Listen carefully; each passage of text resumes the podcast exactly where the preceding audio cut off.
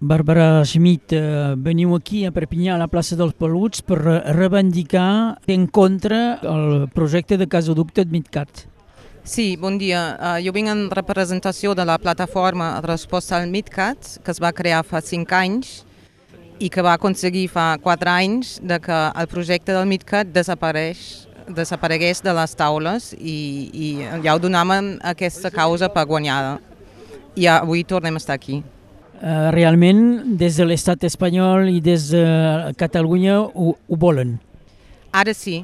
Uh, hem de recordar que fa quatre anys uh, el, el partit que ara governa Catalunya, que és Esquerra Republicana, va estar en contra d'aquest projecte, uh, consta encara com a entitat adherida a la nostra plataforma, però ara sí, eh, el govern català i l'espanyol, junts amb el govern alemany, aposten un altre cop a aquesta infraestructura. Què representa com a risc aquest, aquest gasoducte? El risc és, són molts. És, és un projecte que econòmicament no s'aguanta, això ja es va dir fa quatre anys, que la inversió és massa alta pel, per l'ús que se li pot donar.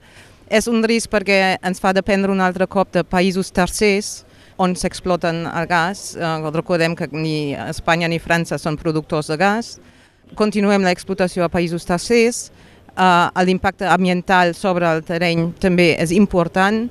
Els arguments són els mateixos que fa, fa quatre anys. No entenem perquè ara, amb la crisi energètica, es torna a apostar per un projecte totalment insostenible. Hi ha alternatives?